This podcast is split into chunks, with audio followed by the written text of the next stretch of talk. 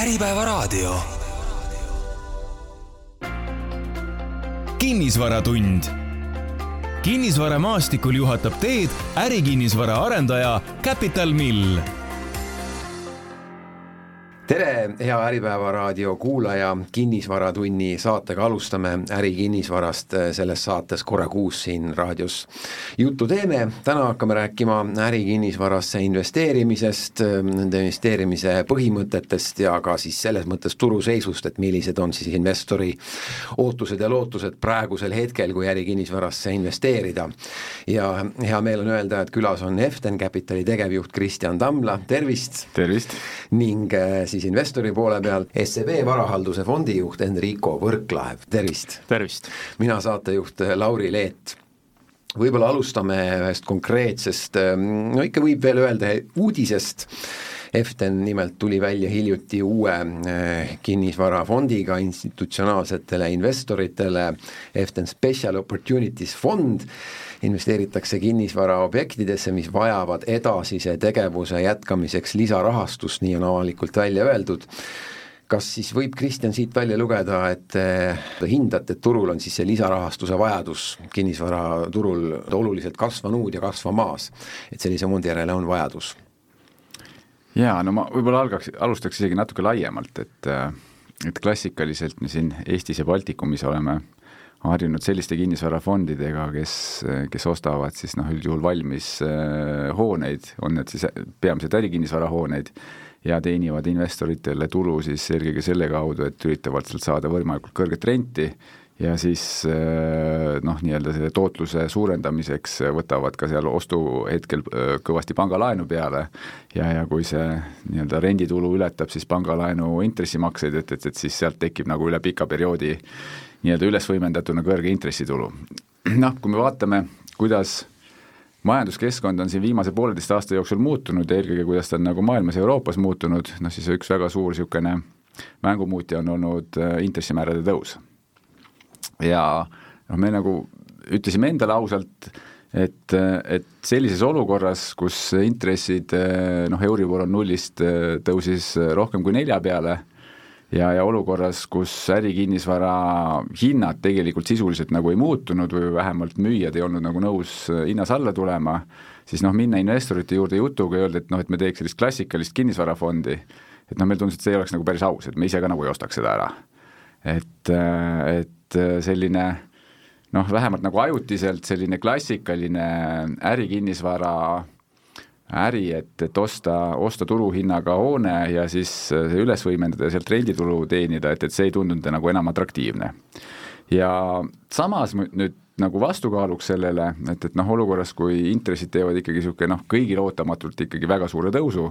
noh, me võime siin vaadata tagasi, kas siis eelmise aasta algusse või isegi üle-eelmise aasta algusse, siis mõlemal aastal tegelikult turuintressid tõusid oluliselt rohkem, kui turgudel aasta alguses nagu prognoositi et, et, et selgelt nagu nii-öelda keskmiselt konsensus see intressitõus äh, ületas. Ja samas noh, Baltikumis me näeme, eks ole, et äh, majanduse olukord on suhteliselt kehv, et, et noh, see peaks nagu selgelt tekitama ka selliseid probleemseid projekte. ja isegi noh, mitte selles suhtes probleemseid projekte, et noh, kus, kus kohe nagu nii-öelda tuleb äh, käpad püsti ajada, aga pigem selliseid projekte, noh, kus on nagu selle, nende projektide lõpuleviimiseks mingit täiendavat lisarahastust vaja ja noh, kui ma aus olen, siis ega Eften ei ole siin nagu ju maailma mõttes nüüd mingisugune teerajaja. et, et selliseid äh, special opportunity fund'e või, või ütleme, niisugune majandustsüklist, majandustsükli nii-öelda mingi faasi jaoks tehtud fonde on ju Euroopas ja, ja Ameerikas tehtud aastakümneid. ja noh, näiteks siin kahe tuhande seitsmenda, kaheksanda, kaheksanda, üheksanda aasta kriisi ajal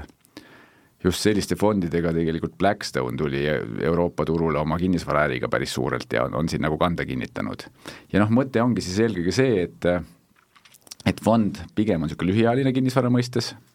et, et kui klassikalised kinnisvarafondid on siin kümme aastat või isegi pikemad, siis siin me räägime maksimaalselt viiest aastast, püüame leida projekte, mis nii-öelda, mille lõpule viimiseks on vaja lisarahastust ja kus pangad täna veel seda ei anna ja, ja samas äh, tahame näha seda, et nendel projektidel oleks siis väga kindel ja konkreetne selline väljumisstrateegia, väljumisvõimalus, niisugune, ütleme niisugune kolme, kolme-nelja aasta perspektiivis maha müüa. Ja investoritele see põhiline tootlus ei tekiks siis mitte nii-öelda aja jooksul üüritulu kaudu, vaid eelkõige selle kaudu, et, et meil õnnestub need projektid siis nii-öelda paari aasta pärast kasumlikult maha müüa. et, et see on see taust nii-öelda laiemalt kirjeldatud äh,. hästi, investorite ligimeelitamise osa püüaksin siit kinni, praegu kakskümmend viis miljonit fondi maht kuni seitsmekümne viie miljonini võib suureneda, millest see võimalik suurendamine siis sõltub, et, et kui suur lootus on siis juurde meelitada veel? no see on, ütleme selliste professionaalsetele investoritele mõeldud fondide puhul nagu suhteliselt klassikaline, et et fondiga saab liituda noh, kas niisugune kahes või kolmes etapis, et, et noh, kui on nagu pikemad fondid, siis pigem nagu kolmes etapis, meil on lühike fond kahes etapis, nüüd noh, see seitsekümmend viis on puhtalt fondi tingimustest ja kui ma täna hindan, siis isegi kui meil nagu tuleks investorite huvi seitsmekümne viie miljoni ulatuses, ma arvan, et vähemalt tänase seisuga me isegi võib-olla ei tahaks seda et me päris seitsmekümne viie miljoni euro väärtuses täna projekte ei näe et noh, loomulikult kui kevadel kogu Baltikumi peale kokku ikka ei näe. jah, ütleme selle, ütleme selle strateegia mõttes. et, et, et siin me võib-olla hakkaks ise ka nii-öelda paneks ennast natukene sellisesse sundviskesse ja hakkaks otsima projekte, mida võib-olla isegi ei tahaks väga teha. kui see fondi maht jääb siin kahekümne viie ja neljakümne miljoni äh, suurusjärku sinna vahele, siis ma arvan, et, et see on nagu päris optimaalne noh, sellega võrreldes, mis me täna sellist turusituatsiooni näeme ja kuidas me selliseid projekte, projekte nagu näeme. Kes need Eesti ja Läti pensionifondid praegu siis on, praegused investorid? noh, ma võib-olla investorite eest ei tahaks isegi nagu rääkida, et, et, et kes need on, et eks see tuleb nende avalikest aruannetest välja, aga aga meil siin üks, üks saatekülaline on, on, on minuga, minuga kaasas, et et eks ta võib nagu ise pikemalt rääkida. jõuame kohe Hendrikoni, aga, aga, aga ikkagi, et missuunalised eh, fondid ja missuunalised pangad natukene äkki siis ikkagi saate avada, et noh, näiteks LHV on Eestis teadupärast pensionifondidest kinnisvarasse üsna palju investeerinud, kas nemad ei, on ega see nüüd ju mingi saladus ei ole selles suhtes, et, et lihtsalt noh, ütleme nii, et, et Eftonile meeldib sedasi, et, et me räägime iseenda asjadest ja, ja, ja meie investorid räägivad ise nagu enda asjadest, aga ega see nagu mingi suur saladus ei ole, et et Eestist ikkagi kõik suuremad pensionifondid on, on meie investorid ja, ja, ja samuti on ük, meie investoriks ka üks, üks Läti üks suur pensionifond. ja, ja siin ma küll nagu vahet ei teeks, et, et kas see nii-öelda see pensionifondi haldav ettevõte, emaettevõte on siis Skandinaavia päritolu või Eesti päritolu, et, et minu meelest nagu ühtemoodi väga professionaalsed ja, ja asjalikud diskussioonid on olnud ja investorite huvi, et, et siin ma küll kuskilt joont nagu vahele ei tõmbaks. jõuamegi Enrikoni, SEB äh, on mõne pensionifondiga uue siis kõnealuse fondi investori hulka astunud. jah, me oleme äh, mõne fondiga tõesti äh, uues, uues fondis osanikud, kuigi me ei ole seal võib-olla kõige suuremate investorite hulgas. Ja kinnisvarasse on SEB pensionifondid tegelikult juba mitmeid aastaid investeerinud ja, ja ütleme laiemalt praegu meie portfellidest äh, on suurusjärk kuskil äh, kuuskümmend miljonit on sellistesse kinnisvara ja infra või taristu erinevatesse projektidesse investeeritud, et kitsamalt kinnisvarafonde on seal mõnevõrra vähem Äh, kui asjad veel konteksti panna, siis meie pensionifondide hallatav maht on hetkel suurusjärk umbes üheksasada miljonit eurot, eks see kuuskümmend siis sellest üheksa, üheksasajast moodustab noh, suurusjärk kuus, kuus-seitse protsenti, eks sinnakanti. ja kinnisvaraturu väljavaade on kahtlemata eks muutunud äh, natukene kehvemaks, kui ta oli siin mõni aasta tagasi ja ja eks meie ka nagu oleme, oleme valivad ja pigem võib-olla praeguses olukorras äh, ei suurenda kinnisvarainvesteeringuid. aga see konkreetne fond äh, tõesti oma sellise strateegiaga teeb panuse siis jah, natuke sellistes noh, kui mitte öelda raskustes, siis selliste võimaluste otsimisele nagu keerulisemal perioodil ja see meile mm, praegusel hetkel sobis. Eh, Kristjan, loen välja, et äh, iga investeering uues fondis peab olema väiksem kui kakskümmend viis protsenti fondi kapitalist, eh, see tähendab, siin kiire arvutus näitab, et investeeringu, ühe investeeringu maksimumsuurus on noh, ütleme siis kuus kuni üheksateist miljonit, et nendest suuremaid investeeringuid teha ei saa, üheksateist miljonit oleks siis ka, kui see seitsekümmend viis miljonit oleks täis. et need on tegelikult mitte nagu väga suured investeeringud, et ütleme ärikinnisvaras öeldakse ikka, et viiskümmend miljonit on juba selline suur, mis turgu mõjutab ja nii edasi, et aga te suunate siis sinna kuus, seitse, kaheksa miljonit sinna suurustesse investeeringutesse selle põhifookuse või, või, või kuhu? nojah, et noh, kui me nagu mõtleme, et, et millised need potentsiaalsed objektid sellel fondil on, siis siis ega need ei ole ju nii-öelda täiesti valmis rentnikke täis äh, mitme tuhande ruutmeetrised bürood või, või, või, või väga suured kaubanduspinnad, et sest noh, need selgelt enam ei vaja lisarahastust, sest need on juba oma rahastuse saanud, ennast valmis saanud ja, ja seal juba nii-öelda äh, selle, nende omanikele tulu, tulu jookseb, et eelkõige me räägime ikkagi projektidest, mis on nagu noh, pigem nagu varasemas staadiumis äh,, kuhu on vaja lisakapitali selleks, et, et seal siis hiljem, hiljem võimalik ka nii-öelda pangalaenu võib-olla peale võtta, et, et, et see on nagu, nagu see suund ja ja noh, kui me vaatame, millised, millised projektid täna, täna nagu on raskustes, noh siis ongi, ütleme, see magus, niisugune magus äh, koht meie jaoks ongi niisugune, kuue, kuue miljoni euro juures. ja ega ka seal, et, et me ei taha kindlasti nii-öelda kohe see kuus miljonit eurot ühe korraga sisse maksta, et et me pigem ikkagi näeme seda, et, et, et noh, me tunnistame, et ega tegu on ka kindlasti väga, väga töömahukate ja natukene ka keskmisest võib-olla riskantsemate kinnisvaraprojektidega, et me pigem ikkagi näeme, et, et meie investeeringud nendesse projektidesse lähevad sisse ajapikku, et kui see projekt on jõudnud järgmisesse etappi, see nii-öelda see ühe etapi arend-, arendamine või edasiviimine on meile rahuldav olnud, siis, siis nii-öelda investeerime juurde ja nii edasi ja nii edasi, et et äh, see on nagu selles suhtes äh, teistmoodi, teistmoodi investeerimisprofiiliga kinnisvarafond kui selline klassikaline, kes ostab kohe ühe portsuga valmis, valmis maja ära ja, ja siis jääb sealt rendi, renditulu saama. Need projektid võivad olla siis ka lisaks arendusprojektidele ka nii-öelda näiteks renoveerimist või rekonstrueerimist vajavad projektid? Äh, kindlasti nagu nii-öelda äh, omameeldik kasut-, kus on nagu kasutusprintsiipi vaja, vaja, vaja muuta, kontseptsioone vaja muuta ja nii edasi nii edasi. sest me räägime väga palju näiteks ärikinnisvara puhul ju sellest, et on vaja hoone muuta kaasaegsemaks, eh, parandada seal tehnosüsteeme, muuta nii-öelda eh, energiasäästlikumaks ja nii edasi. ja kui sellega õnnestub näiteks eh, seal nii-öelda rentnike nii-öelda teistsugune rentnike struktuur saada, kelle käest õnnestub võib-olla nagu kõrgemat üüritulu saada ja selle võrra siis on ka nii-öelda objekti väärtus kõrgem ja hiljem nagu maha müüa, et, et need kõik on nagu potentsiaalsed võimalused. Äh, kas büroohooned pigem, pigem kaubandus, võib ka rääkida näiteks elamuarenduse suunast selle fondi me, puhul? me nagu sellist nagu joont ei ole nagu vahele tõmmanud, et et noh, me ei ole tegelikult ühegi oma kinnisvara fondi puhul, Baltikumi kinnisvarafondi puhul nagu öelnud, et me tahame mingi väga kindlale kinnisvara sellisele sektorile spetsialiseeruda, sest sest Baltikumis üldiselt noh, see turg ei ole nii suur, et sa saaksid siin väga sektorispetsiifilist fondi teha või kui, siis see peab nagu väga väike olema. ja nii sa võid ennast nagu väga, väga kergesti nagu noh, nagu me oleme öelnud, fondi tingimustesse kinni kirjutada. et, et sul lihtsalt ei jät-, ei ole nagu piisavalt seda, neid, neid objekte või projekte, kuhu, kuhu nagu investeerida.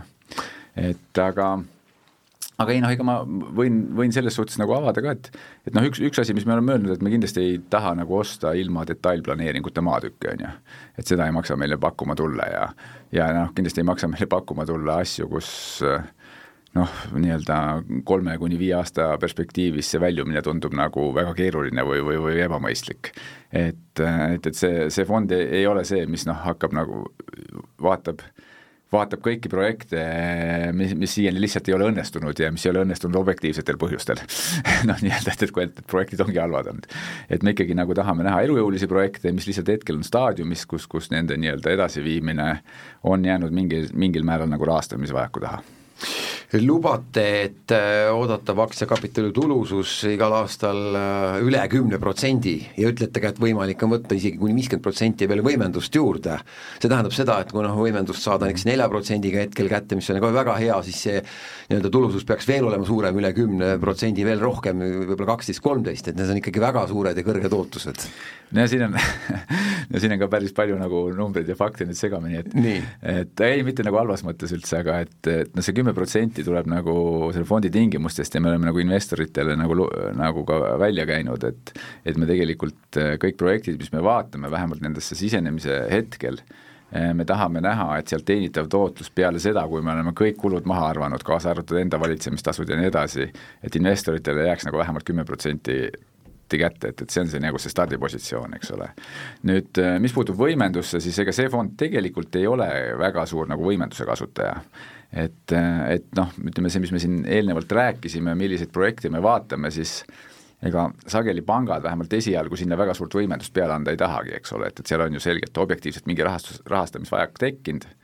Ja, ja, ja seetõttu on, on just see fond, kes, kes seda täiendavat kapitali pakub, et et, et seetõttu ma seda nagu võimenduse arvelt nagu liiga suurt äh, täiendavat nagu tootlust isegi, isegi nagu ei näe, et, et ma pigem näen seda, et, et ongi, et et kuidas need nii-öelda projektid muutuvad taas elujõuliseks äh, ja, ja kuidas nad õnnestub hiljem nii-öelda realiseerida Hendriko, kui teie äh, teete otsuseid, et kinnisvarasse paigutada raha, te ütlesite hetkel olete ettevaatlikud,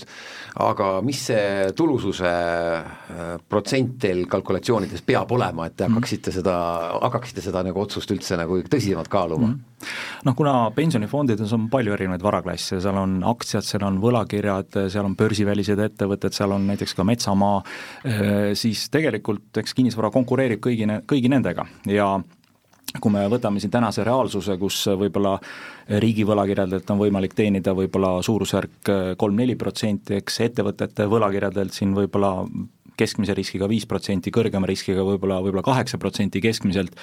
siis äh, eks kinnisvara kõigi nendega on, on konkurentsis ja ega meie eesmärk ei ole ju tegelikult tingimata olla kinnisvaras investeeritud, eks. Eesmärk on ikkagi teenida osakuomanikele tulu ja tegelikult kinnisvara positsioon on tänasel päeval natukene halvenenud selles konkurentsis, et kui võib-olla viis aastat tagasi nullintresside ajastul noh, praktiliselt kõik kinnisvarafondid paistsid selle nulli taustal nagu head välja, siis äh, tänasel päeval, kus võlakirjaturg pakub arvestatavat tootlust, äh, on see vahe palju väiksem ja ja noh, aktsiaturgude äh, kui me räägime keskmisest ajaloolisest tootlusest siin noh, ütleme kaheksa kuni kümme protsenti keskeltläbi aastas, siis eks kinnisvara on oma riskitasemega lähedal sellele aktsiaturu riskile ja seetõttu eks me ootaks midagi sarnast, et, et ta noh, ideaalis ületaks selliste noteeritud aktsiaturgude tootlust äh, järgneva viie kuni kümne aasta lõikes, jah. ütlesite jah, et üheksasajast miljonist, mis teil pensionifondi maht on, umbes kuuskümmend olete siis investeerinud, aga mitte ainult kinnisvarasse, vaid kinnisvarasse ja infrasse kokku oli, eks mm. ole. ja ma vaatasin ka, et, et ikkagi infra pool oligi seal tugevamalt esindatud rohkem seal eh, siin mitmes-mitmes pensionifondis, mis teil SEB-s on. et see kinnisvara osakaal ikkagi kuidagi väike, isegi parematel aegadel mõned aastad tagasi te ei ole julgenud kinnisvarasse väga investeerida. jah, võib-olla mõne konkurendiga võrreldes on on meil äh, natukene vähem seda olnud, äh, kui üldse rääkida selliste maailma pensionifondidest ja, ja muudest sellistest äh, ütleme, teist tüüpi fondidest, siis kinnisvara sobib just sellistele pikaajalistele investoritele, nagu pensionifondid seda on, kuna eks pensionifondide raha on pikemaajalisem, eks sealt ei võeta seda raha siis tüüpiliselt kolme päeva või kolme kuu pärast välja, vaid hoitakse ideaalis seal aastakümneid ja kinnisvara on ka selline vähem likviidne, siis siis ta sobib ja äh, üldiselt äh, maailmas peetakse selliseks võib-olla optimaalseks äh, kinnisvara osakaaluks sellistes pensioniportfellides, no ütleme suurusjärk, mõned allikad ütlevad siin kümme kuni viisteist, mõned ütlevad ka viisteist kuni kakskümmend protsenti, et seal me praegu veel ei ole, me kindlasti pikemas perspektiivis tahame kinnisvara osakaalu ka enda portfellides suurendada, aga võib-olla mitte nüüd praegusel hetkel, kuna me eeldame, et siin intressimäärades siiski noh, väike leevendus tuleb, aga ei tule suurt leevendust ja seetõttu me arvame, et selline vaikne praadimine kestab siin veel mõnda aega. Et kahe tuhande kaheksanda, kahe tuhande üheksanda aasta noh, stiilis selliseid sundmüüke ja, ja odavpakkumisi, noh seda, seda me ei oota ja, ja me arvame, et sellist olukorda ei tule, aga olukorras, kus võib-olla mõned senised kinnisvarainvestorid on ennast üle võimendanud ja nii-öelda numbrid ei jookse enam kokku praegu kõrgete intressimäärade tingimustes, siis selliseid võimalusi tekib ja, ja seda me ka selle kõnes oleva fondi kaudu oleme siin kasutamas. see ülevõimendamise märksõna ongi käinud läbi, et kõige suurematesse raskustesse satuvad ja on juba sattunud need, kes on ennast üle võimendanud, nii arendajad kui ka kinnisvaraomanikud, et, et kuivõrd palju siis see ülevõimendamise aspekt nüüd hakkab määrama turu liikumisi siin lähima aja jooksul, teie hinnangul küsimus mõlemale? no ma võin alustada, et ma, ma tegelikult ütlen, et et ma isegi olen nagu üllatunud, äh, kui hästi Baltikumigi ja, ja Eesti kinnisvaraturg on siin sellele intressitõusule ja, ja, ja majanduslangusele vastu pidanud. Ja ma arvan, et üks põhjus siin tegelikult ongi olnud selles, et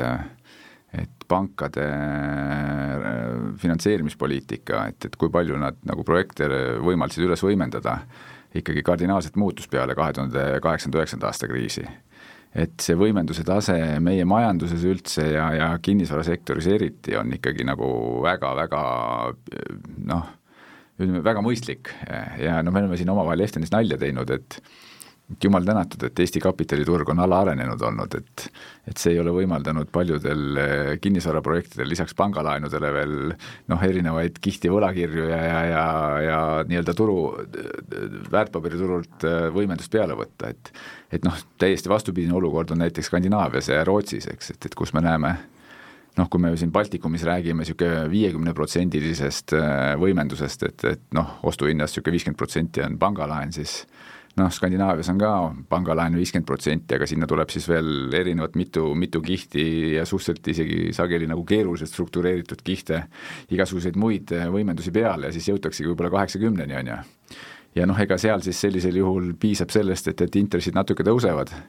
ja, ja kui sa oma nii-öelda renditulu kasvatada ei saa, siis, siis sul ongi, eks ole, et rahavoog, rahavoog võib väga kiiresti nagu negatiivseks minna. et see on nagu asi, mida me Eestis näinud ei ole samuti mulle tundub, et, et tegelikult nagu arendajad, et et, et sellised suuremad arendajad on, kui me räägime elukondlikust kinnisvarast, päris hästi kapitaliseeritud. ja, ja kui siin aasta aega tagasi võib-olla see korraks eluasemeturg nagu täiesti kinni kiirus ja tõesti siin paar kuud sisuliselt tehinguid nagu uute, uute arendustega ei toi-, tehtud, siis siis ka see tegelikult eelmise aasta, ütleme hiliskevadest hakkas selgelt muutuma ja ja, ja ma ütleks nii, et ma oleks nagu üllatunud, kui, kui meil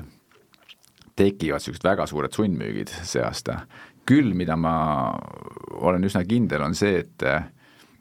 et ega see, et, et intressi tipp on saavutatud, ei tähenda, et nüüd kinnisvaras väga kiiresti kergemaks läheks, noh nagu Enrico ka tegelikult mainis, et et ega meie stsenaarium, ettevaade on väga sarnane. ja, ja ma arvan, et äh, see aasta äh, noh, paljud kinnisvaraomanikud, kui nad eelmine aasta tegelesid sellega, et, et kuidas oma neid nii-öelda intressikulusid kontrolli all hoida, siis see aasta ikkagi tegeletakse väga kõvasti tulupoolega.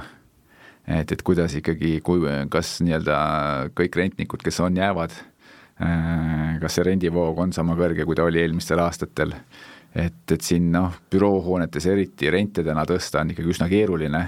pigem me räägime sellest, et vakantsused suurenevad ja vot noh, ma näen ise, et, et pigem see on see riskikoht, kus võivad sundmüügid tulla, et et mitte see, et, et intressid nüüd eelmine aasta kiiresti tõusid, vaid see, et intressid jäävad pigem sinna lähedale, kus nad, kus nad siin olid, võib-olla natuke tulevad alla, aga just ütleme, see tulude pool võib, võib mõne nii-öelda kinnisvaraomaniku portfellis vaikselt nagu ära kukkuda ja sealt tekivad siis need probleemkohad on väidetud, et välismaalased on äh, väljumas, lahkumas, äh, kuivõrd palju see tõele vastab, Kristjan? no vastab ikka, vägagi vastab, aga aga ma ei ole kindel selles, et, et mis see nagu peamine põhjus on. et noh, kui me nagu faktidest räägime, siis siis äh, Baltikumi ärikinnisvaraturg oli eelmine aasta noh, tehingute mõttes ikkagi nagu läbi aegade väga loid. et praktiliselt tehinguid ei tehtud aga siis aasta viimase pooleteist kuuga tehti kolm väga suurt tehingut. Tallinnas, eks ole, vahetas omanikku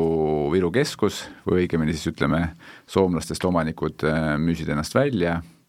siis Vilniuses äh, vahetas omanikku Tehnopolis, kus samamoodi Baltikumi väline investor ennast äh, välja müüs ja Riias tehti suur tehing Rimi kesklaoga kus siis nii-öelda, mille omanik oli Rimi emaettevõte rootslaste ICA, eks ole.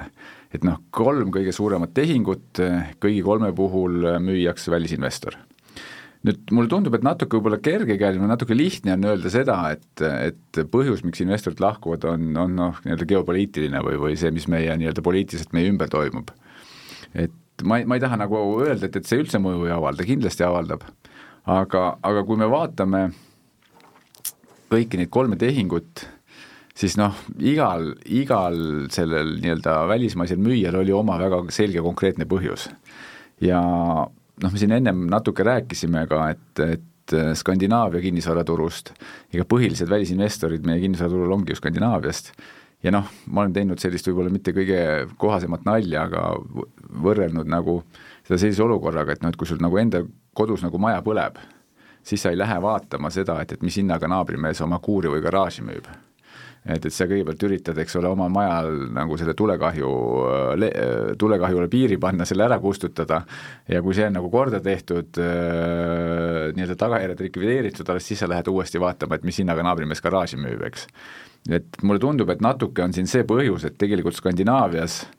investorite koduturul on neil te-, täna olukord päris raske. Et, et noh, Enrico siin ennem rääkis, eks ole, kinnisvarasektori aktsiatest. Äh, Ameerikas äh, on selgelt äh, nii-öelda see ütleme, noteeritud aktsiaturg oluliselt paremini vastu pidanud kui Euroopas, noh, Soomes, Skandinaavias me näeme, mõne kinnisvaraettevõtte aktsiad on kukkunud üheksakümmend protsenti, selgelt neil on mingisugust täiendavat lisarahastust vaja, tõenäoliselt nende aktsiad on mingite laenude pandiks ja nii edasi, kus nad peavad täiendavaid tagatisi panema. ja noh, sellisel juhul nii-öelda äh, oma koduturu väljast varade likvideerimine ja sealt lisakapitali saamine tundub nagu igati selline loogiline, loogiline tegevus aga Kristjan, novembris te äh, ütlesite investor Toomase antud kommentaaris ka, et, et Eften, Eften United Property Fund hoiab, nagu me teame, üldiselt palju vara, vara rahas, aga nüüd on käimas läbirääkimised mitme, mõnegi äh, ostu osas, et kas nüüd juba, kui me veebruaris oleme, saab midagi uudist välja tuua? ei, tähendab, ei läbirääkimised on jätkuvalt käimas, aga, aga nagu ma ütlesin ka, et ega või õigemini isegi noh, ma laiendaks seda niiviisi, et et noh, hästi lihtne on öelda, et välisinvestorid on lahkumas ja ja tuleks leida varasid, kus, millel on välismaine investor ja, ja siis minna nende juurde pakkumisega, et ega me oleme seda teinud ja me oleme väga paljude juures käinud. Ja isegi kui esimese hooga nagu öeldakse, et jaa, jaa, räägime, räägime läbi, siis ega noh, see ei ole päris nii, et nad iga, iga hinna eest siit nagu lahkuda tahavad ka, et ega ne-, nendel ka mõtted muutuvad ja ja nii edasi, et et ütleme nii, et meil on täna kaks-kolm objekti, kus me oleme nagu, mida, mida me oleme vaatamas, mõne puhul oleme nagu nii-öelda kaugemale jõudnud, mõne puhul algu, algusstaadiumis, aga aga seda ma nüüd küll ei ütleks, et kuigi nagu välisinvestorid on pigem lahkumas, et siin nagu nad mingi paanikamüügiga tegeleksid, et nad nagu iga hinna eest siit nagu tahaks raha kätte saada, seda ma küll ei näe. ja noh, see on nagu üks niisugune täiendav põhjus, kui ma siin ennem kas-, noh, ütlesin, et, et ma nagu arvan, et, et see geopoliitika ei ole võib-olla see peamine põhjus, miks nad lahkuvad. et noh, kui geopoliitika oleks peamine põhjus, siis üldiselt tahavad hästi ruttu ära sealt saada, noh, ruttu-ruttu minema, et mine tea, mis nagu homme juhtub, on ju. et, et seda me nüüd ka ei näe, et, et neil oleks nagu väga tuli takus siit selle raha, raha väljatõmbamisega, et, et, et et nad, läbirääkimised on pikad, ütleme niiviisi Hendriko, teie hinnangut äh, küsin siit edasi, ähm, et kui äh, nüüd uurida, et kes siis võiks seda no mõnevõrra ikkagi lahkuvat välismaalast asendada, siis ikkagi kohalik investor, kohalik raha nii-öelda, erinevad äh, analüütikud on öelnud, et kohalikul turul vaba raha on, no näiteks Colliersi investeerimise nõustamise juht Margus Tinno on siinsamas saates seda öelnud kaks kuud tagasi, kuidas teie hinnang on, et on Eestis Eesti investoril nii palju vaba raha, vahendeid, et, et, et lahkuvat välismaalast siis nii-öelda üle osta või asendada või, või see siis äh, raha kohe paigutada? tegelikult äh, nende kodumaiste või siis selle piirkonna institutsionaalsete investorite struktuuris on ka teatavad äh, muutused nagu aset leidmas just selliste raske kaalude mõttes siin Balti riike omavahel võrreldes. Noh, mida me näeme ja mida siin ka tegelikult Eften ühes kommentaaris alles paar nädalat tagasi rõhutas, et see Balti riikide niimoodi jõuõlg investorite mõttes on, on liikumas Vilniusesse. ja see tähendab tegelikult seda siis, et äh, sealsed pensionifondid äh, on nüüd juba ütleme, mitu korda suuremad kui siin, kui siin Eesti äh, kohustuslikud eh, pensionifondid eh, ja kuna ka seal noh, sellist tüüpi nii-öelda pensionireformi ei toimunud, kus nii-öelda raha saaks siis igal ajal nagu välja võtta, siis nad saavad endale lubada selliseid vähem likviidseid investeeringuid mõnevõrra rohkem ja me oleme ka siin näinud mitmetes hiljutistes sellistes erakapitalifondides investeerimisel, et meie Leedu kolleegid SEB-st näiteks saavad samasse fondi võib-olla umbes viis korda rohkem raha paigutada kui võib-olla Eesti, Eesti fondid siin, ühest küljest nad on suuremad ja teisest küljest nende selline likviidsuspiirang on nagu väiksem, nad saavad toimida nagu tavapäraste pensionifondidena aga Eesti turul lisaks pensionifondidele loomulikult ka teisi institutsionaalseid investoreid ja eks kõiksugu selliste family office ite ja nende roll ka tasapisi, tasapisi kasvab. püüdsin teie jutust välja ka selle mõtte, et, et kui oleks läinud nii, et Eestis poleks seda pensionireformi olnud, oleks teise samba maht jäänud suuremaks, oleks teil ka ja teie konkurendil pankadel, teistel ka olnud suuremad võimalused, paremad võimalused äh, investeerida ja oleks kogu investeerimismaastik olnud kuidagi rikkam ja, ja edukam ka no kindlasti ta oleks äh, võimaldanud, sest äh, öeldakse, et pensionifondide üks eelis on teenida pikaajaliselt likviidsuspreemiat, see tähendab siis seda, et paigutada raha siis vähem likviidsetesse asjadesse, mille tootlusootus on nagu kõrgem ja ja võib-olla Eesti fondidel nüüd võimalus seda likviidsuspreemiat teenida on veidi väiksem. see ei tähenda, et Eesti fondid oleks lõpetanud investeerimise siis kinnisvarasse, nad teevad seda endiselt ja edasi, aga tõepoolest võib-olla natuke sellises keskmises või pikemas perspektiivis võib see juhtuda tõesti nii, et meie kinnisvara omand tasapisi liigub nii-öelda Leedu pensionäride kätte Äh, kui nüüd rääkida Leedust, Leedu turu potentsiaalist või võib-olla tegelikult aktiiv, aktiivsusperioodist juba, mitte ainult potentsiaalist, siis Kristjan, teil ka, nagu te olete välja toonud, et United Property Fond äh, on just viimaste aastate arengute osas suuremas osas Leetu äh, investeerinud, et, et see vanem Eften Real Estate fond, et see on nagu põhiliselt Eesti investeeringutega tegelemas, kas nüüd uus fond Opportunities läheb ka rohkem Leetu või? Ma isegi ei jagaks nagu, ei eristaks nagu fonde, et, et ma vaataks nagu pigem nagu läbi selle Efteni ajaloo, et et, et kui Eften kaks tuhat kaheksa asutati, noh siis ta oligi väga Eesti-keskne, esimesed investeeringud äh, olidki ainult, ainult Eestisse, sealt edasi mõne aasta pärast Lätti ja sealt edasi mõne aasta pärast Leetu. Ja kui me vaatame nagu kõiki Efteni fonde, siis tegelikult noh, me räägime siin viimasest võib-olla niisugust neljast-viiest aastast, siis selgelt kõige suurem, kõige rohkem tehinguid oleme teinud Leedus, äh, noh, kas või juba sellepärast, et Leedu ise on kaks korda suurem kui Eesti majandus, on ju, et, et nii, nii lihtne see on, see ka on. Leedus äh,, Enrico siin korraks äh, peatus pensionifondidel, aga Leedus on ka päris lai selline noh, nagu family office'i äh,, family office'i investorite baas, et et, et seal sellise vana, just nagu vanal majandusel, et, et kui meil siin family office'id on tekkinud pigem niisuguse uue majanduse startup'ide baasilt, eks ole, ja sealt nii-öelda nende startup'ide müügist tekkinud raha, raha baasilt, siis siis Leedus on, on päris palju nii-öelda just vana, vana, majanduse peal tekkinud ja, ja seal see investorite baas on, on selgelt, selgelt laiem. samuti, mis on nagu Leedu puhul erinev, on see, et et noh, ta on ikkagi Kesk-Euroopale lähemal, et, et, et ka meie näeme Leedus mõningaid institutsionaalseid investoreid Saksamaalt, äh, teistest Kesk-Euroopa riikidest, kes noh, Vilniuseni on jõudnud, aga sealt edasi nagu põhja poole ei ole tulnud, on ju. et, et noh, võib-olla siis selle võrra on neil natuke vähem, äh, vähem soomlasi, aga aga sealt see nagu see investorite baas äh, seal, seal on nagu laiem. ja, ja tegelikult ega ei ole nagu midagi ka öelda, et et kui me räägime nüüd konkreetselt Vilniusest ja noh, Leedust laiemalt, aga konkreetselt Vilniusest, siis siis ütleme, see üks niisugune kümmekond aastat tagasi alanud nende ütleme, niisugune suurte lääne korporatsioonide tagatubade, tagatuba, toatööde nii-öelda Leetu viimine. et, et see on ikkagi nende majandusele ja eriti kinnisvaras büroosegmendile andnud ikkagi hoopis teise nii-öelda hingamise võrreldes siin äh, Riia ja, Riia ja Tallinnaga et, noh, me võib-olla alguses äh, siin Eestis ka naersime, et ah, et, et need on niisugused madala lisandväärtusega ja, ja, ja väikese, väikese palgaga töökohad, aga aga mida me tegelikult nagu, nagu näinud oleme, on see, et, et jah, alguses see oli tõesti nii, aga järjest nagu kõrgema lisandväärtusega töökohti hakkasid need, need ettevõtted sinna Leetu nagu siin lisa, lisaks tooma, eks ole, et et ei olnud ainult lihtsalt nii-öelda telefoni võtmine ja kõnedele vastamine, aga aga oli ka juba noh, mingisugust natukene nagu mingit IT-programmeerimist ja nii edasi ja nii edasi et, et selgelt see on nagu andnud väga suure tõuke. ja, ja võib-olla niisugune viimane asi, mis ma välja tooksin, on, on äh, kõik, mis nagu puudutab val-, ütleme nagu nii-öelda Valgevene naabrust. et, et äh, tegelikult nii-öelda Leedu on olnud niisugune esimene sihtpunkt Valgevenest äh, jalga lasknud IT-ettevõtetele,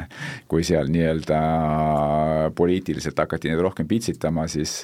siis noh, Valgevenes, kus on väga tugev, ütleme niisugune matemaatika-hariduse taust äh, riigis, väga palju programmeerijaid, äh, väga palju lääne ettevõtteid tegutses seal just nii-öelda kasutades allhanget, siis siis need on toonud nii töötajad kui, kui ka siis nagu töökohad päris suurel, suurel määral nagu Vilniusesse. nagu ma olen aru saanud, Eften on selline äh, tegija, kes jääb investeeringutesse sisse, selles mõttes, et isegi hoonete haldamisega tegelete,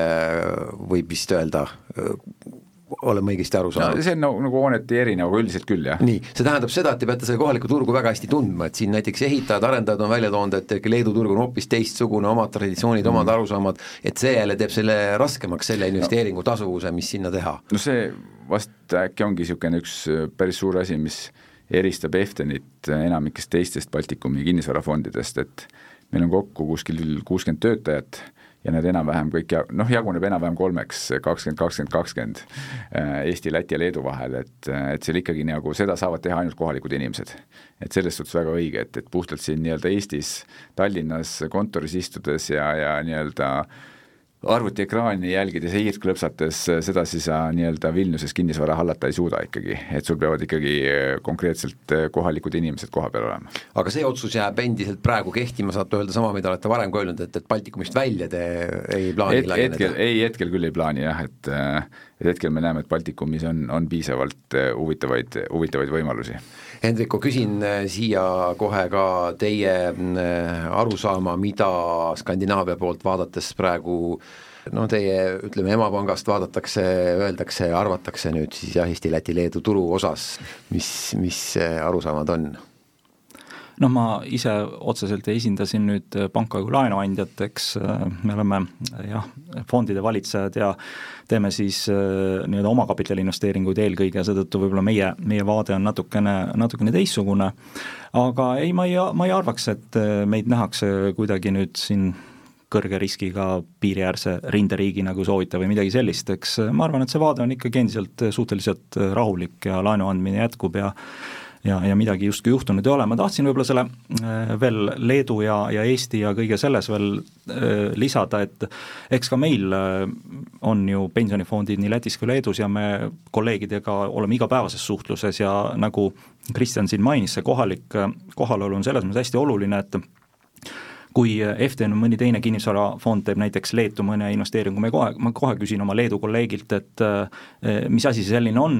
mis sa sellest arvad, eks, oled sa sellest mööda jalutanud, oled sa selles sees käinud, kas seal rahvast käib, eks näiteks mõne ostukeskuse mõttes, kas bürood on nii-öelda elavad ja välja renditud, nii et see kohalik kohalolu on hästi oluline ja võib-olla siis samamoodi see Leedu fondijuht küsib minu käest, et äh, Eften on, ütleme, Eestist algust saanud ettevõte, et mis ma, mis ma sellest arvan, nii et äh, see koostöö ka sellel tasandil on, on pidev. nii et selline emotsioon ikkagi loeb ka äh, investeerimisotsuse tegemisel, mitte ainult, et panete numbrid paika? et kas see kaubanduskeskus teile tundub atraktiivne, kas on inimesi, kas te emotsionaalselt nagu ütlete, et jah, ja see on mingisugune, mingi argument otsuse tegemisel? No numbrid on ikkagi esikohal loomulikult, aga eks äh, kindlasti me nagu tunneme ennast kindlamalt, kui kohalikud inimesed kinnitavad. Kristjan, muigasite? ei, selles suhtes, et, et kindlasti ma, meie jaoks kindlasti on esikohal numbrid ja, ja, ja ma usun, et, et iga, iga fondihalduri jaoks, samamoodi SEB jaoks on kindlasti esikohal numbrid, aga aga ma, ega ma ei ole ka näinud väga, väga selliseid noh, kui see nagu ostukeskusi, et noh, kui eriti kui professionaalse pilguga vaadata, et, et kus numbrid oleks kehvad, aga, aga kuidagi nagu tundub, et kliente on palju ja poodidel läheb väga hästi, eks ole, et, et eks need üldjuhul käivad koos, aga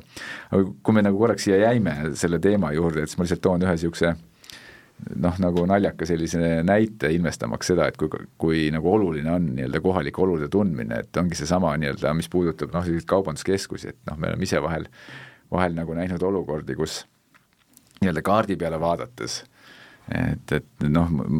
mõni linn, mida sa ise nii hästi ei tunne, või ütleme teises riigis, vaata tõesti, et noh, et, et see on see kaubanduskeskus, mis tundub nagu igati loogiline, et ta on seal ütleme, mingi magala ja kesklinna vahel, eks ole, inimesed äh, käivad ja noh, tundubki, et tulekski nagu ära osta, on ju.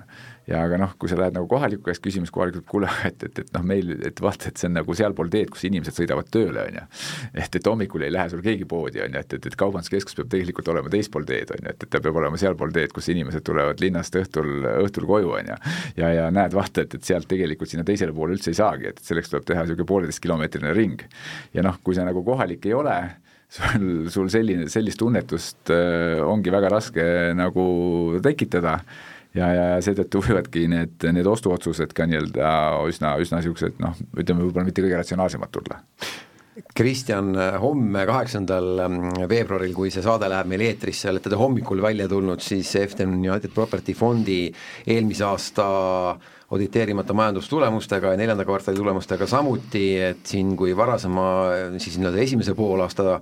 tulemust vaadata, siis puhaskahjumit seitsekümmend üks tuhat eurot teeniti, aga te olete ka välja toonud, et see oli sellepärast, et te peate kinnisvara väärtust kaks korda aastas hindama ümber ja nende intressimäärade kõrge seisu tõttu te pidite siis väärtust muutma ja seetõttu tekkis kahjum esimesel poolaastal, et nüüd küsimus siis, et kas see teise poolaasta tulemus võiks olla parem, et kokkuvõttes kahjumit pole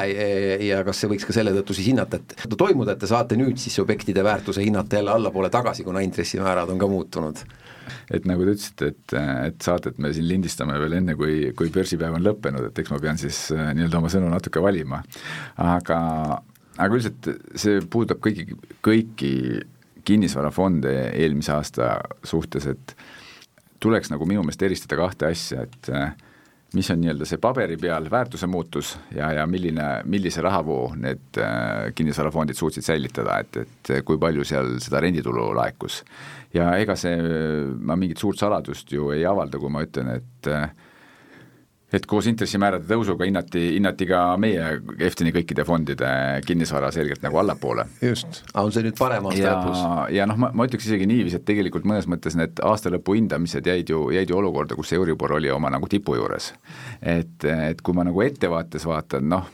fondi halduses öeldakse, et ei tohi tootlust lubada ja nii edasi, aga kui ma nagu ettepoole vaatan, et, et kui intressid natuke nagu allapoole peaks tulema, et, et noh, siis ma pigem näen seda, et, et kui me räägime sellest aastast, siis noh, nii-öelda paberi peal võiks justkui nagu nende fondide varade väärtus pigem nagu natuke tõusta. aga ma ütlen, et see on nagu asi, millele mina nagu noh, nii suurt nagu tähelepanu ei pööra ja jah, et, et ta nagu nii-öelda kajastub nagu kasumi, kasumi või kahjumi real, eks ole, aga ka mina eelkõige pööran tähelepanu sellele, et kuidas meie objektid toimivad, kas invest-, kas üürnikud, objektid on jätkuvalt üürnikke täis, kuidas on rendivoog, kui palju me suudame Eh, fondidest nii-öelda investoritele tulu jaotada, palju me suudame dividende maksta. ja kui me räägime Efton United Property Fundist, siis eelmine aasta me maksime investoritele kaks korda äh, tulu välja, ühe korra aasta alguses ja teist korda hiliskevadel äh,. Kaks tuhat kakskümmend kolm rahavoog on jätkuvalt äh, nii hea, et, et me saame ka kaks tuhat kakskümmend neli kaks korda aastas välja maksta äh, lihtsalt ajaliselt seekord me maksame, esimest korda plaanime maksta hiliskevadel ja teist korda sügisel, aga see on puhtalt tehniline, et, et see on seotud sellega, kuidas meil on nii-öelda erinevad lepingud, kuidas oma nii-öelda kinnisvarainvesteeringutes seda raha nagu kätte saada ja, ja fondi, fondi tasemele tuua. nii et, et kin-, selgelt nagu kaks korda tahame ka see aasta investoritele tulu jaotada, vaatamata sellele, et, et fondist peaaegu kolmandik on jätkuvalt veel nagu investeerimata. jaa, nii et investoritele dividendide maksmise osas on head sõnumid, aga lugesin välja vastusest, et et see nii-öelda selle vähemalt paberi peal kinnisvara väärtuse ümberhindamises tekkinud kahjumi osas see aasta tulemus midagi niisugust plussi veel ei näita? no see on päris hästi kokku võetud, jah kui äh, pensionifondide vaates seda ümberhindlust nagu, nagu kui sellest rääkida, siis eks see tulu tuleb ju eks kahest allikast, see perioodiline dividend pluss siis nende varade nagu ümberhindlus. ja kui olla selline üksik erainvestor, siis ei ole see ümberhindlus ju võib-olla niivõrd oluline, et äh, hoian seda raha seal lõpuni ja ja pole tähtsust, kus ta vahepeal käib, eks, aga kui me vaatame pensionifondi mätta otsast asja, siis äh, sinna ju pidevalt, eks klientide raha tuleb sisse, liigub välja. ja oluline on, et see raha tuleks sisse ja liiguks välja nii-öelda sellistel sellistel õiglastel hinnatasemetel ja seetõttu on oluline ka portfelli väärtuste pidev nagu ümberhindlus. nii et me alati hindame fondivalitsejaid, kes oma varasid õiglaselt, regulaarselt hindavad, et ei ole mõtet ilustada ja, ja samas ei ole mõtet ka loomulikult liigsesse pessimismi langeda. jah, ma võib-olla täpsustaks seda, et, et ega ega see, et, et kui nii-öelda sõltumatu hindaja vastavalt sellele, et intressimäärad on tõusnud, eh, hindab mõne fondi vara alla ja, ja ka vastupidi, siis noh, seda ei saa öelda, et see oleks nagu fondivalitseja hea töö või halb töö. et ja, ja mina hindan ka väga seda, et, et need hinnangud, need hinnangud annab ikkagi sõltumatu fondivalitseja või sõltumatu hindaja, kus siis see fondivalitseja ise ei, ei lähe nii-öelda, ei ürita teda mõjutada, eks ole. Need on mingid audiitorid? Need, need ongi kinnisvara hindajad, need ongi nii-öelda atesteeritud kinnisvara hindajad ja, ja nad üritavad siis noh, nii-öelda oma parima teadmise juures öelda, et mis see kinnisvara täna väärt võiks olla. et ja noh, meie jaoks on lihtsalt see, et, et, et et meie ise nagu seda kuidagi mõjutada ei saa ja ka ei taha. Et, et mida meie saame mõjutada, meie saame mõjutada seda, et äh, need varad toimiksid võimalikult hästi, rendivoog oleks kõrge ja pikas perspektiivis peaks see siis tähendama ka seda, et nende väärtus võiks olla võimalikult kõrge, eks ole. jah, just see ka usaldus siin kinnisvarafondi valitseja suhtes on hästi, hästi kriitiline, et et loomulikult äh, teoorias ju mõni kinnisvarafondi valitseja võiks teha nii, et ta äh, nii-öelda palkab endale meeldiva hindaja ja saab sealt nagu endale meeldivad hinnangud ja justkui näitab sellist hästi sujuvat tootluse graafikut või midagi iganes, aga, aga tegelikult jah, ka meie vaatame väga kriitiliselt otsa, et Eh, see fondi valitseja, kes kinnisvaras, et ta oleks siis just nimelt eh, aus enese vastu, aus investorite vastu ja kuidagi ei saaks mõjutada seda regulaarset hinnangut. no ma ütleks nii, et, et mhm. kõige harvem saab olla olukord, eks ole, et, et kus äh, kinnisvarafond on, on mingeid varasid oma pabe-, oma nii-öelda bilansis näidanud nagu niisuguse noh, väga ilusa kõrge väärtusega. Ja siis, kui mingi hetk tuleb see vara realiseerida, siis järsku ilmneb, et, et oi, et, et, et polegi nagu, polegi, polegi nagu midagi, et just minu meelest siin eile või üleeile oli Financial Timesis uudis, kuidas Londoni kesklinnas Canary Wharfil, kus on siis see niisugune keskne büroode piirkond, eks ole, müüdi, müüdi üks suur äh, büroohoone vist kas oli kuuskümmend protsenti sellest väärtusest või kuuekümne protsendise allahindlusega, ma isegi enam ei mäleta sellest, mis ta nagu mõned aastad tagasi osteti ja mis ta ka selle endise investori bilansis oli. et noh, et, et selgelt seal oli ka mingi, mingi hindamise probleem tekkinud, eks ole. Mm, tänase saate aeg kohe saab läbi ja Kristjan, lõpetuseks, millal kuuleme, te kindlasti ei ütle täpselt konkreetsemalt, et mis see on, aga millal kuuleme siis ikkagi esimese tehingu nii-öelda kokkulepet teie poolt ka lähiajal, sest see aasta kindlasti me tahaksime teha rohkem tehinguid kui eelmine aasta, et eelmine aasta aasta me tegime kogu Eftini peale, ostsime ainult, äh, ainult ühe objekti, see on meie nii-öelda üürikorterite fondi, ostsime ühe, ühe üürimaja Riiga, et äh, see aasta kindlasti tundub, et äh, situatsioon on soodsam, et hinna, ütleme nii, et et kuigi jah, me oleks võinud nagu eeldada, et, et kinnisvaraomanikud lasevad natuke rohkem hindu alla, aga, aga me mingit korrektsiooni ikkagi oleme näinud ja, ja tundub, et, et täna need hinnad, mida praegused omanikud tahavad saada, on lähemal sellele, mida me oleme nõus maksma. esimeses et, kvartalis võib see juhtuda? käte löömine? no ma tahaks loota, et enne suve hästi, eh, tänase saate aeg nüüd tõesti lõplikult läbi, suur tänu, külalised, Eften Kapitali tegevjuht Kristjan Tamla ja SEB Varahalduse fondijuht Hendriko Võrklaev. mina saatejuht Lauri Leet uue saatega siin kuu aja pärast ja kuulmiseni!